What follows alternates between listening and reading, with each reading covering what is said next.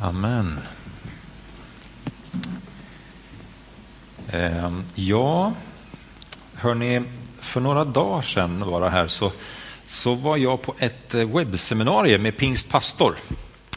Ehm, eh, och på det webbseminariet så presenterades en undersökning eh, utav den danska prästen.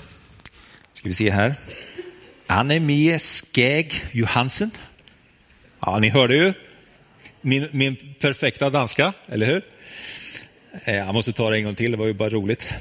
Annemie Skeg Johansen. Ja, hon är präst i alla fall från Danmark och gjort en undersökning och ställt sig frågan hur ser det ut, eller hur är det för en människa att komma till tro? En människa som lever i den här tiden som är en postmodern tid.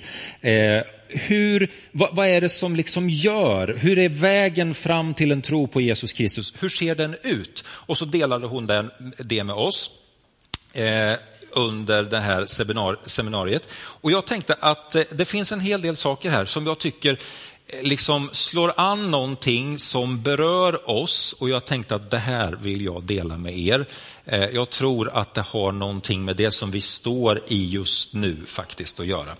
Eh, så man kan säga mycket om det här med postmodern tid och vad det innebär och sådär. Eh, men jag ska bara lyfta fram fyra stycken små punkter som man skulle kunna tänka sig, eller så här är det ofta för människor som lever i vår tid. Jag tror att du känner igen detta.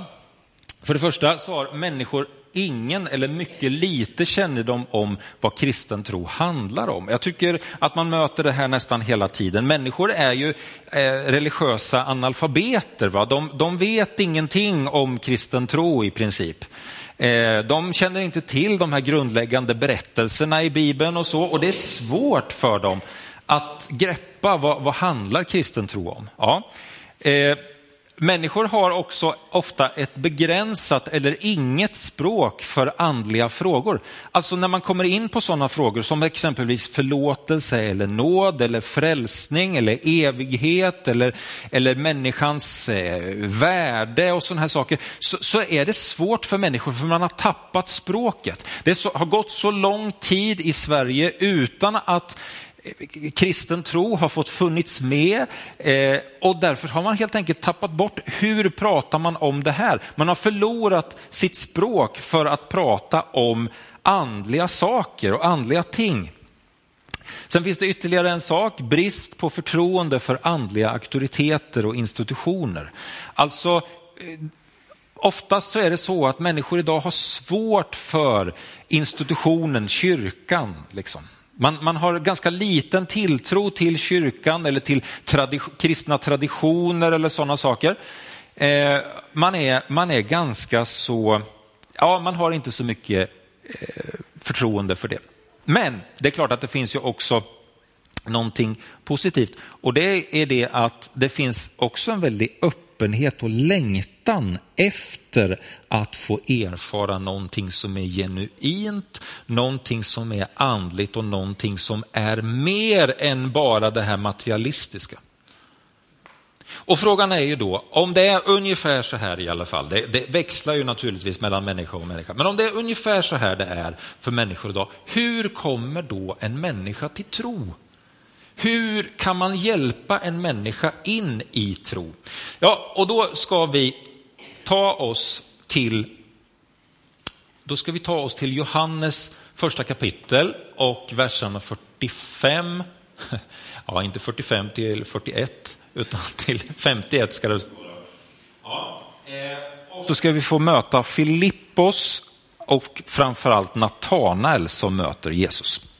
Filippos träffade Natanael och sa till honom, vi har funnit honom som det står om i Mose lag och hos profeterna, Jesus, Josefs son från Nasaret. Natanael sa, kan det komma något gott från Nasaret? Filippos svarade, följ med och se. Jesus såg Natanael komma och sa om honom, där är en sann israelit, en som är utan svek. Natanael frågade, hur kan du känna mig? Jesus svarade, innan Filippos ropade på dig såg jag dig under fikonträdet. Natanael svarade, Rabbi, du är Guds son, du är Israels konung. Då sa Jesus till honom, du tror därför att jag sa att jag såg dig under fikonträdet. Större ting ska du få se. Och han sa, sannerligen jag säger er, ni ska få se himlen öppen och Guds änglar stiga upp och stiga ner över Människosonen. Och då ställer man sig naturligtvis frågan, eller du ställer dig frågan, vad har nu detta med någonting att göra? Ja, men vi ska se. Jag tror att vi ska kunna lotsa oss framåt lite grann och hitta några stycken saker här som kan vara till nytta för oss. Därför att jag tror att det är så här att Natanael, han liknar på några olika sätt faktiskt människo, hur människor idag förhåller sig till den kristna tron. För det första så är det ju så här att han är ju ganska ifrågasättande och skeptisk. När Filippos kommer med honom om budskapet om att ja, men här har Jesus, du ska komma med och, och, och, se vem han är och så vidare. Då, då säger han, ja men alltså kan det komma något bra från, från Nasaret? Kan, det verkligen vara någonting bra? Eh, därför, att, därför att det är ju så här att Natanael vet ju att det här, den här platsen har ju ingenting att komma med. Historiskt sett så har de ingenting att komma med. Det finns inga kända människor som kommer därifrån. De har ingenting i den där lilla byhålan. Liksom. Så han vet ju redan svaret, det kan inte komma någonting bra därifrån.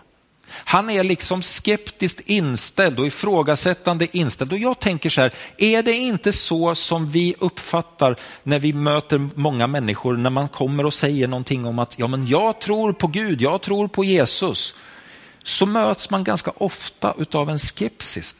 Kan det komma något gott ifrån Bibeln? Kan det komma något gott ifrån kyrkan? Eller hur? Visst, visst är det ungefär så man, det, det man får möta liksom ofta. Eh, så det finns en likhet här då. Men sen så finns det ju en annan likhet då. då. Det är ju trots allt så att han är ju faktiskt också nyfiken. Eh, för att när han, när han eh, då möts av detta, ja men följ med och se, ja men då, då väljer han ju faktiskt att följa med och ta reda på, finns det någonting där att hämta? Kanske är det så att han liksom gör det för att han tänker att nu ska jag avslöja den här bluffen. Det här är ju ingenting att tro på, jag vet ju om det. Eh, men det finns ändå någonting där hos honom som drar honom och liksom undrar, undrar vad det här är. Och faktiskt är det så att bilden som vi ser och det jag hör från väldigt många människor är att att man får höra att ja, men det finns ett intresse. Det finns någonting som lockar människor idag till det andliga och till att få höra vad handlar det här om. Nu har man kommit så långt bort ifrån den kristna tron att nu är det nästan lite spännande och lite nytt. Liksom. Så på det här sättet tror jag att Natanael faktiskt liknar människor. Man är skeptisk men man har också en viss nyfikenhet på det där med andliga saker. Sen en annan sak som vi kan se, det är ju att Natanael han blir berörd av det som Jesus säger.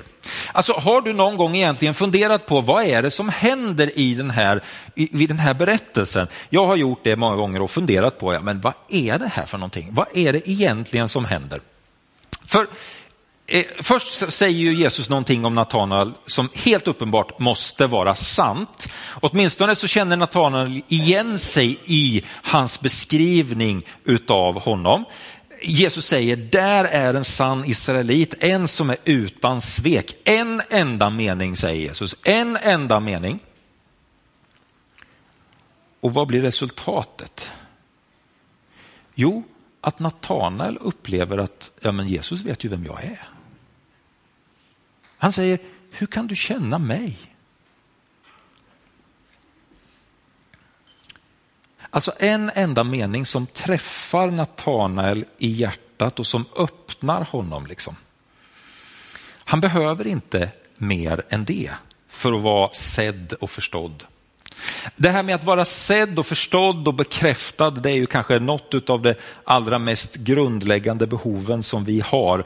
Jean-Paul Sartre han skrev ju om att, eh, att vi föds i den andres blick. Det där det kan man ju säga väldigt mycket om, hans filosofi omkring det där. Men det finns någonting i det, att man föds i den andres blick eller att vi blir till genom att någon ser oss. Och jag tror att det har funnits egentligen, eller det har funnits, Bibeln berättar att det har funnits egentligen ända sedan Adam och Eva åt utav, utav eh, frukten. Eh, och då förlorade de, de någonting. Va? De förlorade tilltron eller tilliten till Gud. De var tvungna att gömma sig. De kunde inte visa vem de var. Och ända sedan det så har vi varit ute efter att få bli sedda för dem vi är, utan masker. Fast vi är rädda för det samtidigt. Vi är rädda för, tänk om någon avslöjar mig. Det är jobbigt, eller hur? Jag vill inte att någon ska avslöja vem jag egentligen är. Samtidigt så vill jag också att någon ska se vem jag verkligen är. Så vi lever i det, att vi vill att människor ska bekräfta oss och samtidigt vill vi helst inte att människor ska se för mycket. Men det som händer här i den här berättelsen det är det att Jesus ser rakt igenom Natanael och så med bara en mening så är det som att han liksom öppnar Natanaels hjärta och Natanael säger, men du, hur kan du veta vem jag är? Så han blir berörd. Sen kommer ju ytterligare en, ett uttalande av Jesus. Eh, och det här som jag nästan inte fattar någonting, för det, nu, nu hänger jag inte med riktigt. Varför är det här så, så viktigt för Natanael att få höra? Så har ni tänkt på det? Vad då jag såg dig under fikonträdet? Alltså hur många fikonträd finns det inte i Israel? Det finns ju hur många fikonträd som helst. Det är ju som att säga till en bonde på slätta, liksom. jag såg dig ute på åken. Jo, eller hur? Jag lever där liksom. Jag är där hela tiden. Och så säger, så säger Jesus, ja, jag såg dig under fikonträdet. Vad är det som gör att den lilla saken som Jesus säger där, det gör att Natanael säger, du är Israels konung. Du är Messias. Den lilla saken, jag kan inte förstå det, men det är någonting som Jesus ser hos Natanael och som Jesus vet, någonting som är profetiskt, någonting som är en beröring från Gud, från det heliga, från det som vi längtar efter, rakt in i Natanaels liv. Och det behövs inte mer än just den meningen för att Natanael ska fatta att wow, det här är på riktigt, Jesus är på riktigt. Och det är också vägen för Jesus in i människors liv. När han säger en enkel sak som liksom förändrar livet. Eh, och man kan ju faktiskt tänka det att, att det, det, låter nästan som att Jesus själv blir, blir lite förvånad över resultatet. Har ni tänkt på det? Han säger, han säger ja, eh, du, jag såg dig under fikonträdet. Och då säger Natanael då, du är Guds son, du är Israels konung. Och så säger Jesus, jaha, du tror för att jag sa att jag såg dig under fikonträdet. Det, det är näst, nästan som man undrar om han, han hänger med själv, Jesus, där på vad, vad det är som händer. Det ger en sån väldig förändring i Natanaels liv. Ja, nu så ska vi ta oss från Natanael tillbaka till vår kära danska präst. Eh, och till den här nutida studien då, om några saker. Vet, vi har pratat ganska länge om, jag skulle säga att 20, 20 år ungefär, så har det funnits i, i eh, kyrkor i, i västvärlden. Då har man tänkt så här att det är tre steg egentligen som behövs för att människor ska komma in i tro. Och då har vi sagt ungefär så här, att det handlar om att belong och sen handlar det om believe och sen handlar det om behave. Och vad menar man med det då? Jo, men belong, då menar man ju så här att ja, det första steget är att människor måste få känna att man, man får vara med i ett sammanhang. Att man får känna sig omsluten, jag får komma som jag är, jag får finnas med här och det här. Och när man då känner sig trygg i det sammanhanget, då kan man öppna sig för en tro på Jesus. Och sen när man har fått tron på Jesus, då kommer behave, alltså då börjar man att agera som en kristen så att säga. Man börjar agera som, som man ska göra. Du vet, det är ju så här idag, att människor som, som kommer till tro på Jesus, de har ju inte en aning om vad det är att vara kristen. Inte en aning. De vet ingenting. Men du som sitter här, du vet det mesta. liksom. Så behave, alltså vad man ska göra, det kommer i sista hand. Men då säger vår danska präst, när hon har gjort de här undersökningarna, att hon har hittat ett litet annat mönster. Och eh, det är det vi ska lyfta fram. Hon säger så här att det första, det nästan den viktigaste saken för människor idag, det är att man blir touched, alltså berörd av Gud. Alltså att man får ett andligt möte. Att man får uppleva att den helige kommer in och öppnar upp livet, att man blir berörd. Det är den första. Det är inte säkert att man vet vad det är man är med om, men man är i behovet av att den här heliga verkligheten kommer nära och berör mitt hjärta. Och då när det händer, då kommer någonting nytt att hända. Jag, jag, tycker att det här är uppmuntrande när vi tänker på påsken som ligger framför oss och den här satsningen som vi har med, med Det finns hopp. Alltså, vi tror ju och vi är helt säkra på att det kommer komma en massa människor dit som kanske inte vet så mycket om kristen tro, men vi vet att Gud kommer vara där med sin helige ande och han kommer att tala in i människors liv under de här dagarna. Det är så här att vi kanske inte riktigt förstår vad det är som händer. Vi kanske hör det där att ja, nu är, det, nu, nu är det någon som säger att du satt under fikonträdet. Ja, men vad betyder det egentligen? Och sen är det som att det liksom bara öppnar upp en värld i den här människans liv och den här människan förstår, jag är älskad av Gud. Alltså vi kan inte alltid förstå hur Gud tar vägen in i en människas liv, men vi är helt övertygade om att han kommer att göra det under de här dagarna. Vi är helt övertygade om att den helige ande kommer att beröra människor till frälsning. Det kommer att hända någonting i människors liv. Vi har ju haft besök härifrån Örebro bland annat som har kört liknande satsningar på torget i Örebro och många av er har hört det här, men, men, men de berättar ju om att man, man liksom under långa perioder efteråt har upplevt att människor har kommit till kyrkan eh, på grund av att man var på den där satsningen på torget med, med Sebastian och flera. Och jag kommer ihåg speciellt en berättelse om två stycken yngre kvinnor som en dag, en söndag, dyker upp i Pingstkyrkan i Örebro och så välkomnas de dit och, och ha, vad roligt att ni är här. Så här. Ja, säger de då. Ja, vi, vi, blev ju, vi blev ju frälsta på den där satsningen, för två, på den där grejen för två år sedan som var på torget. Vi tog emot Jesus då, för två år sedan.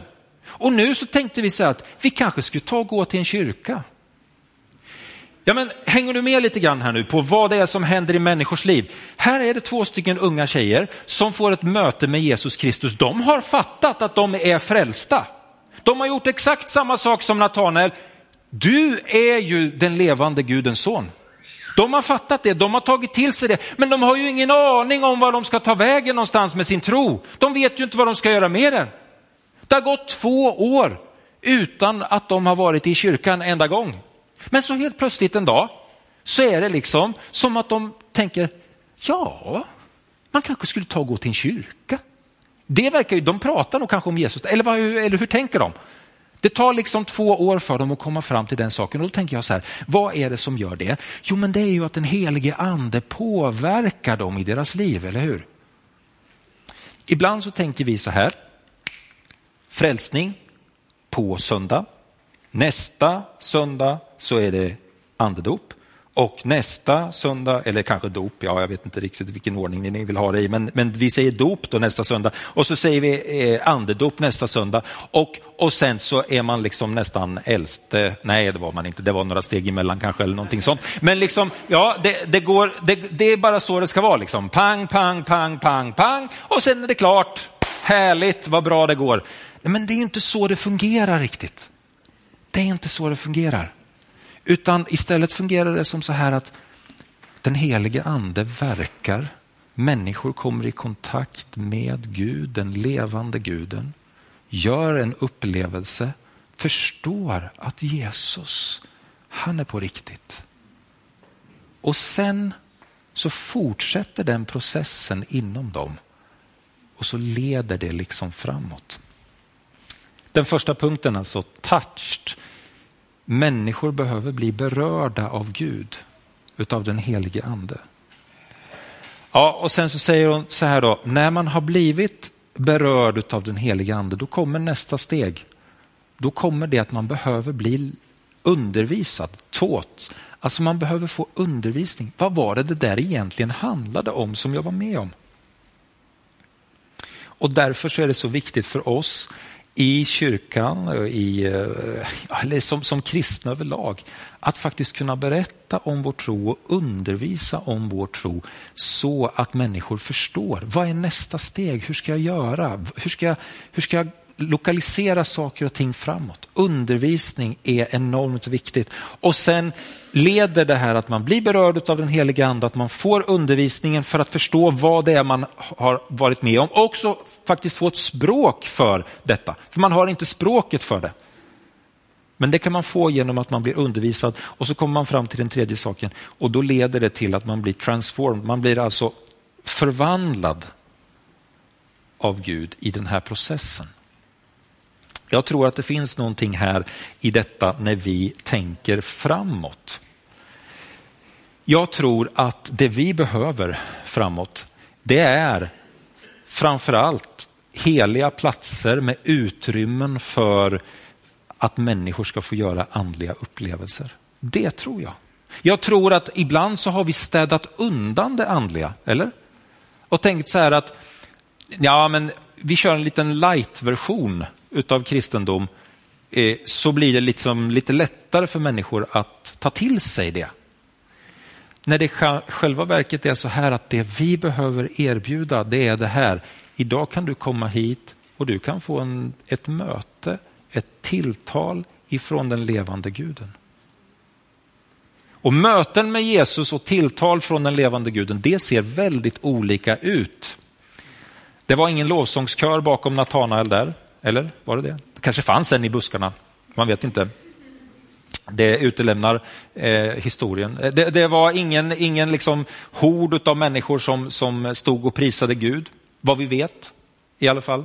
Utan det var ett ganska enkelt möte med Jesus. Några få ord som utbyts fram och tillbaka. Men det som händer med Natanael är det att Gud kliver in på arenan och möter med hans hjärta. Han får ett andligt möte med den levande guden. Och därför så behöver vi som församling, som kristna, bjuda in till möten med Jesus. Vi behöver bjuda in till det och det kan se så väldigt olika ut tror jag. Vi behöver vara beredda på det, att ha många olika sätt att öppna för människor att kunna komma till Gud. För Gud talar ju varje människas språk. Han vet hur varje människa kan nås. Så när vi tänker framåt så tänker jag så här att heliga platser med utrymme för andliga erfarenheter, det behöver vi ha. Och så behöver vi ju ha någonting mer naturligtvis. Undervisning, undervisning, undervisning. Om du bara lämnar människor med andliga erfarenheter så kommer de ju Fantastiskt, härligt. Det är ju underbart. Fast det är ju inte det som, som är grejen med en andlig upplevelse. En andlig upplevelse handlar ju om att du ska få en inriktning i ditt liv och fatta vem Jesus är och bli lik. Vem då? Jo, Jesus själv. Och där behöver man undervisning. När vi ser vägen framåt, eller när jag ser den så tänker jag att det här, de här två sakerna, alltså det som vi många gånger faktiskt pratar om som anden och ordet. Det är någonting som vi behöver. Vi behöver mer av den helige ande, mer av Guds möten, men vi behöver också stå fasta och stadiga i Guds ord, på förkunnelsen och på bibelundervisning. Då kommer vi hjälpa människor in i en djupare relation med Jesus Kristus. Jag tror att det finns sådana otroliga möjligheter i detta. Och jag tror att vi kommer få se en hel del hända under den helgen som kommer. Men sen då? Sen är det många saker som behöver hända efter det också, eller hur? Jag har sagt det förut att den här grejen som vi har på påsk, det kan inte bli misslyckat. Det, det, det, är inte liksom, det är alltid en vinst det vi gör. Men vi vet inte hur resultatet kommer att bli. Vi vill gärna ha ett svar, eller liksom, vi har ett sätt att tänka på, här, så här ska det vara. Om det ska vara rätt, om det ska vara riktigt.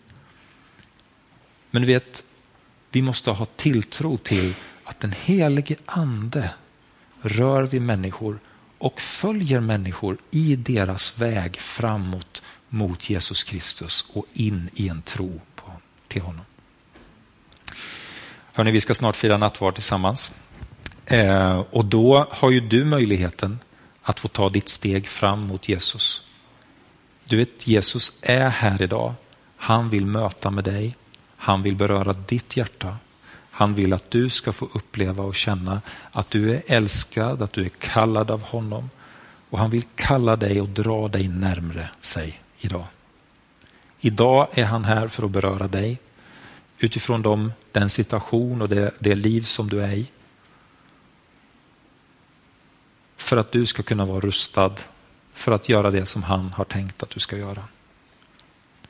Herre, tack för att vi får komma till dig, Herre. Tack Jesus Kristus för att du möter oss på sätt som vi förstår, som andra kanske inte fattar, men som, som du har full koll på. Jesus, jag ber om att våra hjärtan ska få öppna för dig, Herre. Att vi ska få ta emot av dig. Men Herre, vi ber också för, för alla de människor som kommer komma till, till arenan eh, under påsken. Vi ber dig, Herre Jesus, kom med din helige Ande. Berör människor. Tala till dem, Herre. Vi ber om att det ska få vara helig plats. Där människor ska få kunna gå in och förstå att här här finns den levande guden. Far i himmelen, kom med din ande och berör oss, Herre.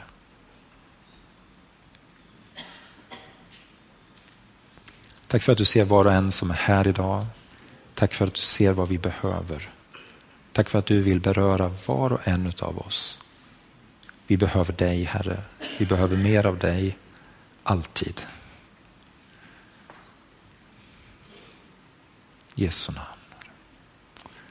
Amen.